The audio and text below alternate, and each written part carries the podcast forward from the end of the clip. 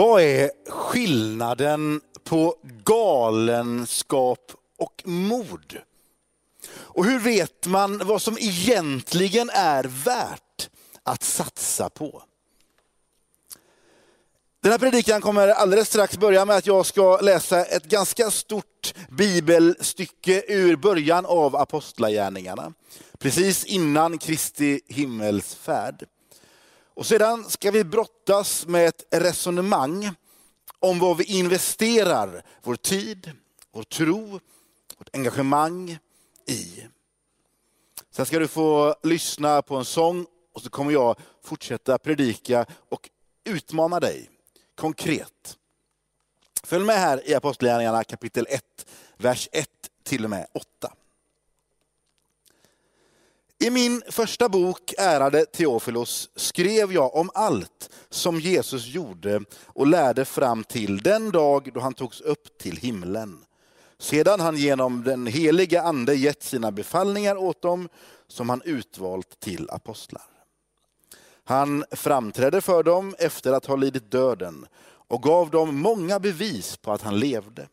Då han under 40 dagar visade sig för dem och talade om Guds rike.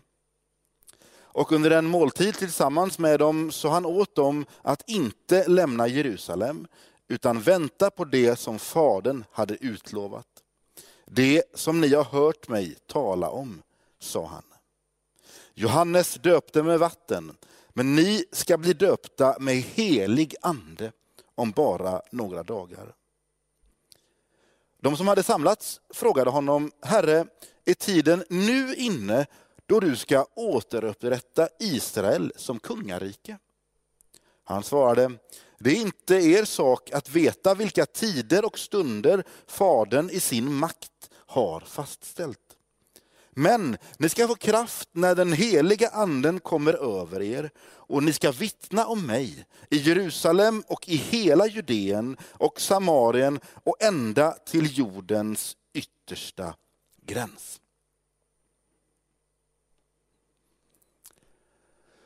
Under högstadiet såg jag några av mina klasskompisar, Oskar och Anton, i syslöjden fifflandes med något. De hämtade stora rullar av tyg i smyg.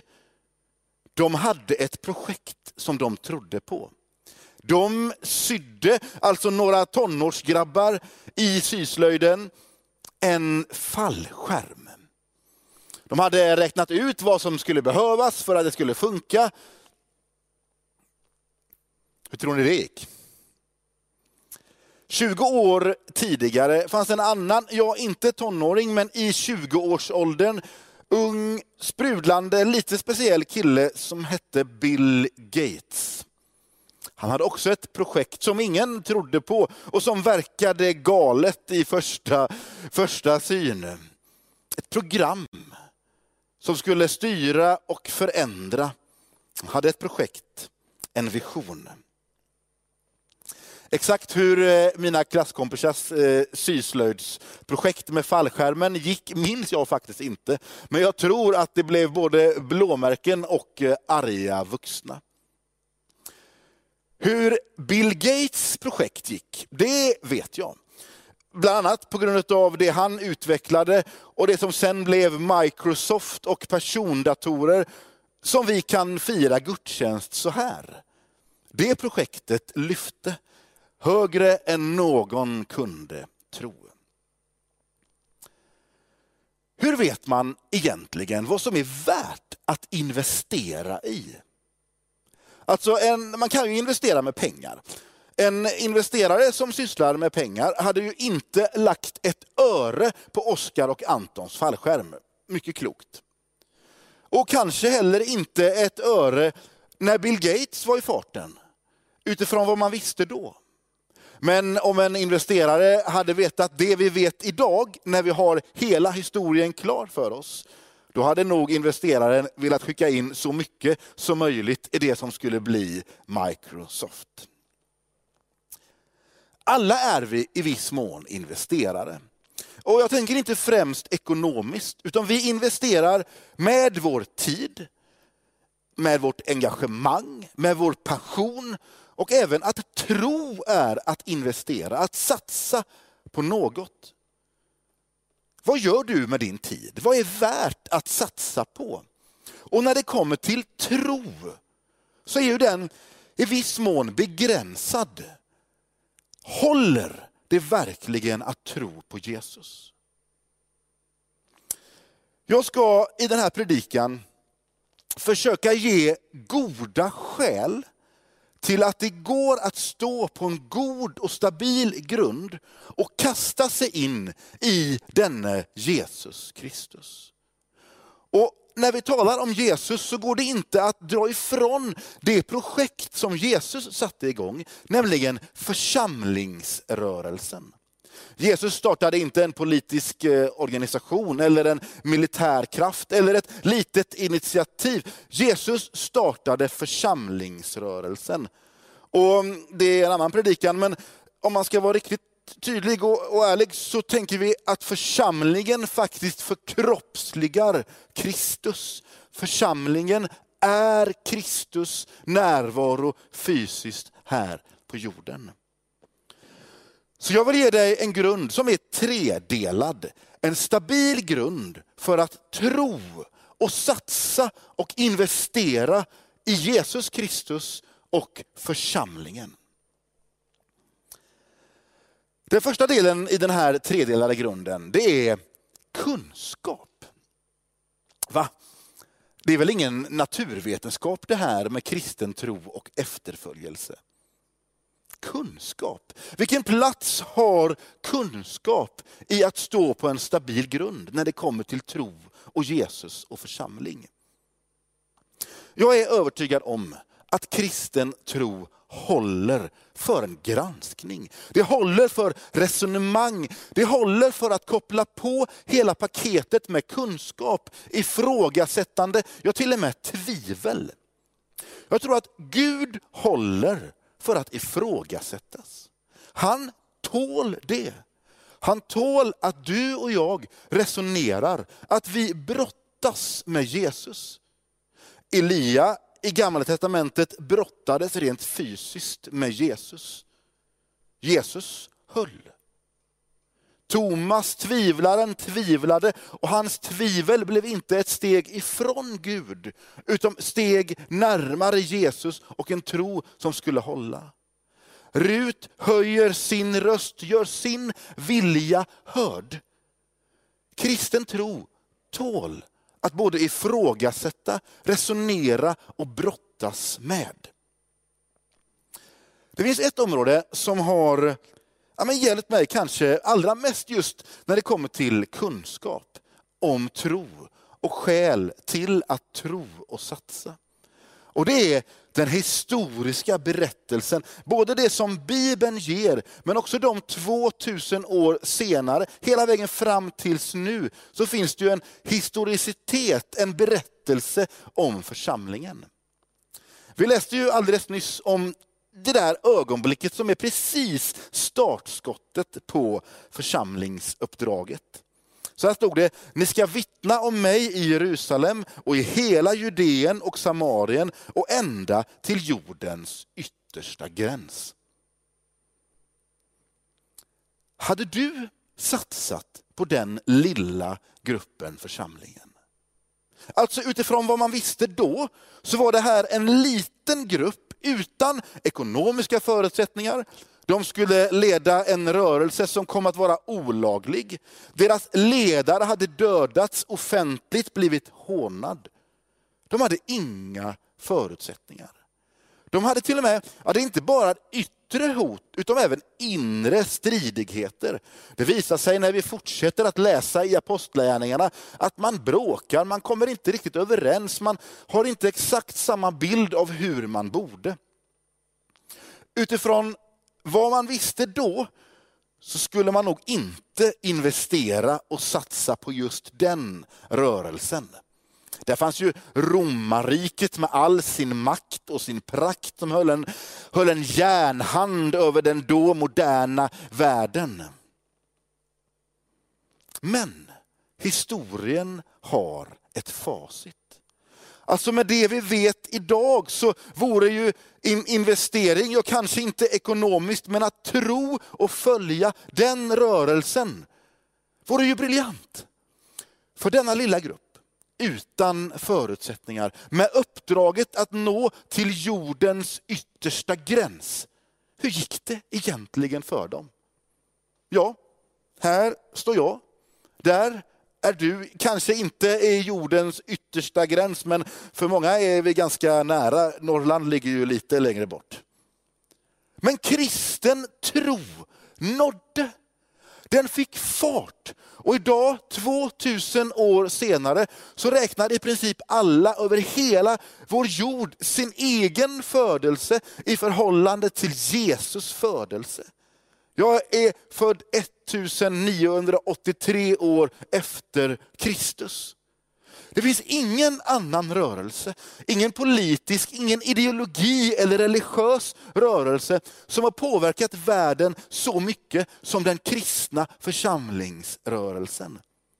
Vår moral, vår etik, våra lagar, vårt sätt att resonera, ja till och med våra högtider, våran lediga torsdag på Kristi himmelfärdsdagen präglas av denna Kristus, av denna lilla rörelse utan förutsättningar. Men historien, kunskapen om historien lär oss något. Det höll, det lyfte, det blev inte en kraschande fallskärm. Det blev något som lyfte längre än någon kunde ana. Hur var det möjligt? Det leder mig till min andra punkt.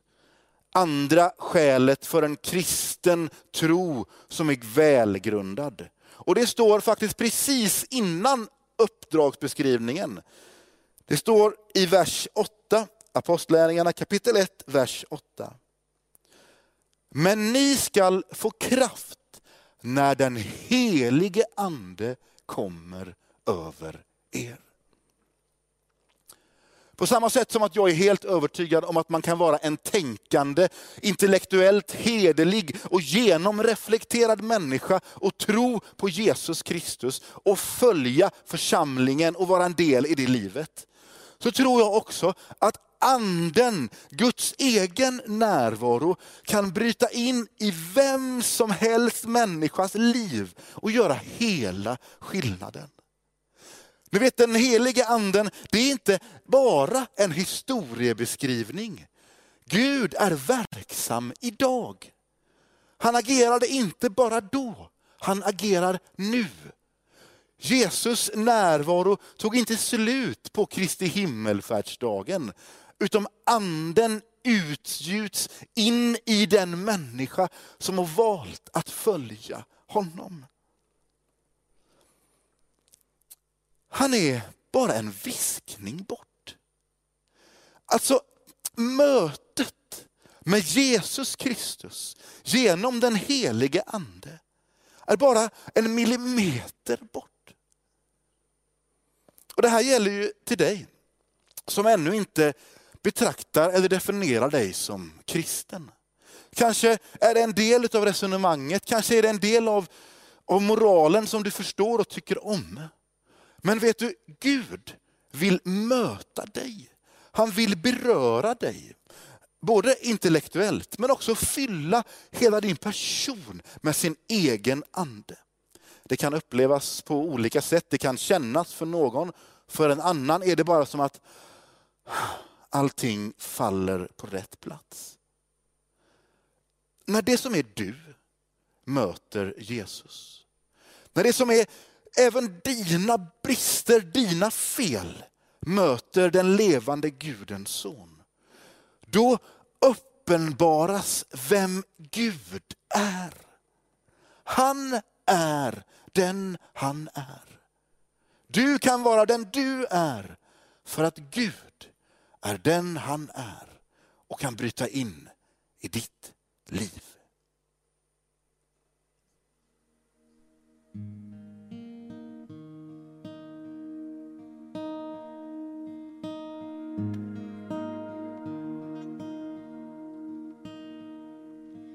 Jesus, du är mer än nog för mig. Jag saknar ord, jag älskar dig. Du fann mig när jag ensam var, helt ofattbart. Av den jag var finns inget kvar. Du födde mig på nytt, min far. Din grav är tom, du ser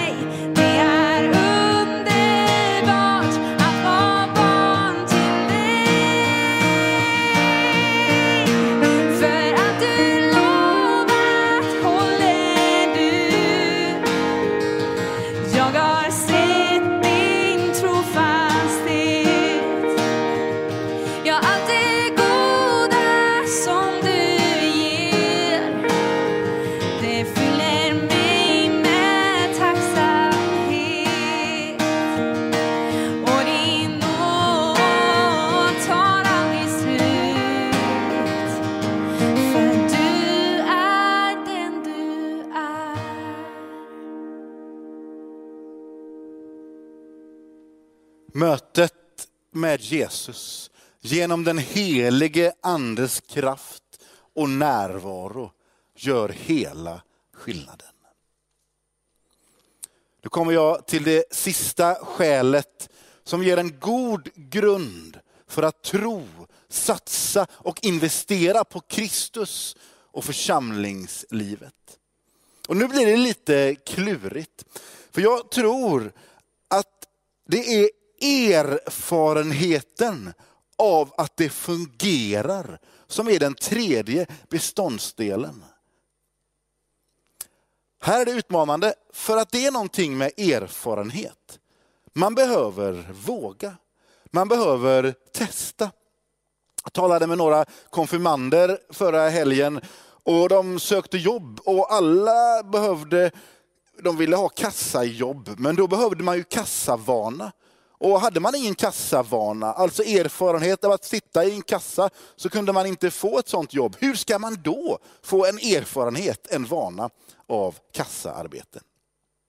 En liten parentes, då ska man ju vara med i Smyrna second hand förstås. Där kan man få vara med oavsett kassavana och man kan få kassavana och samtidigt bidra till det fantastiska arbetet. Slut parentes. Alltså erfarenheten kräver en portion mod. Du behöver stå på en grund utav resonemang och kunskap. Ett möte med Jesus Kristus själv. Och sen handlar mycket om att kasta sig ut. Testa om den kristna tron bär i livets alla beståndsdelar. För när du erfar att den gör det, då får du en grund som jag tror kan ligga där och ge dig möjligheten att ta ännu större steg. Kliva ut. Det här är en utmaning till dig som inte är kristen. Testa. Testa att be. Testa att formulera ord, tyst för dig själv eller med din mun. Jesus Kristus, finns du? Så visa dig för mig. Det krävs ju en portion mod att satsa på något man inte riktigt vet än. Men du kan få vara med och erfara hur hela din livsbild och din världsbild faktiskt blir förvandlad.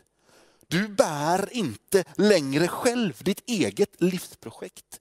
Gud kliver in, griper in och bär dig. Men det här är också en utmaning till dig som är kristen. Våga investera tid, engagemang, passion och tro in i det som är församling. För den kristna rörelsens kärna och Kristus förkroppsligad är församlingen. Och jag vill säga någonting oerhört viktigt om församlingen. Så här formulerar vi oss i Smyna. Vi är en internationell gemenskap som följer Jesus och förändrar liv och samhälle.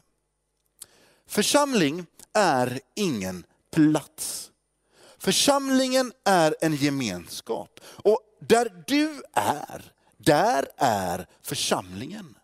Alltså våran gudstjänst är ju en del utav församlingsarbetet. Men församlingen utgörs av dig och mig. Församlingen stänger aldrig. Vi skulle kunna stänga dörrarna här utanför i flera månader, men församlingen stänger aldrig.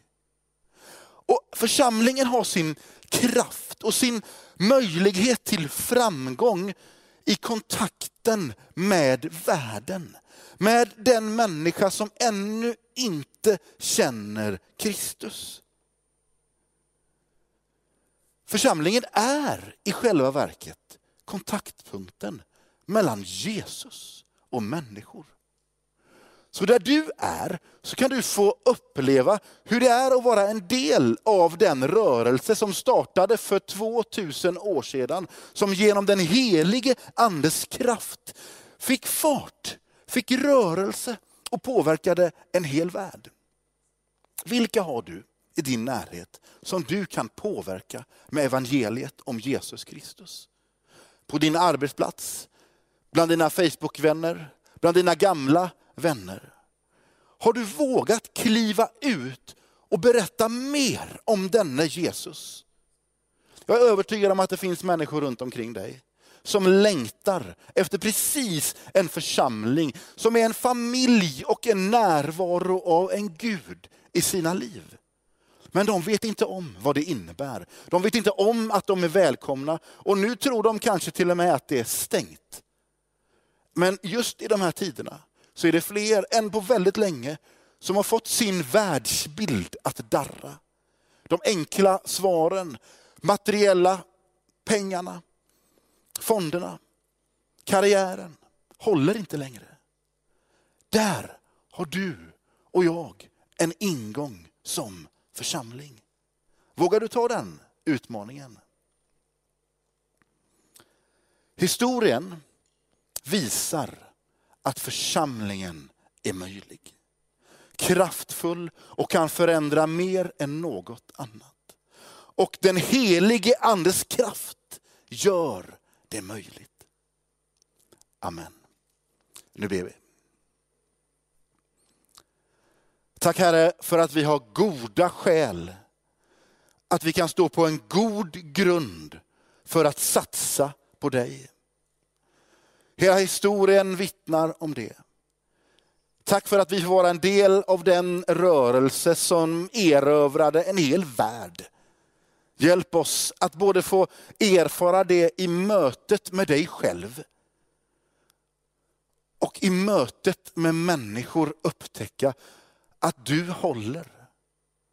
Hjälp oss att fortsätta resonera och tänka, fråga och undra. Herre, jag ber för den som i den här gudstjänsten får viska sitt försiktiga ja. Herre, välsigna den. Och jag ber för den som behöver kliva in mer i det som är församlingens arbete. En gemenskap som förändrar och förvandlar liv och samhälle. Amen. Du har lyssnat på en predikan från Smyrnakyrkan i Göteborg. Hjärtligt välkommen att lyssna igen eller besöka Smyrnakyrkan. Gud välsigne dig och din vecka.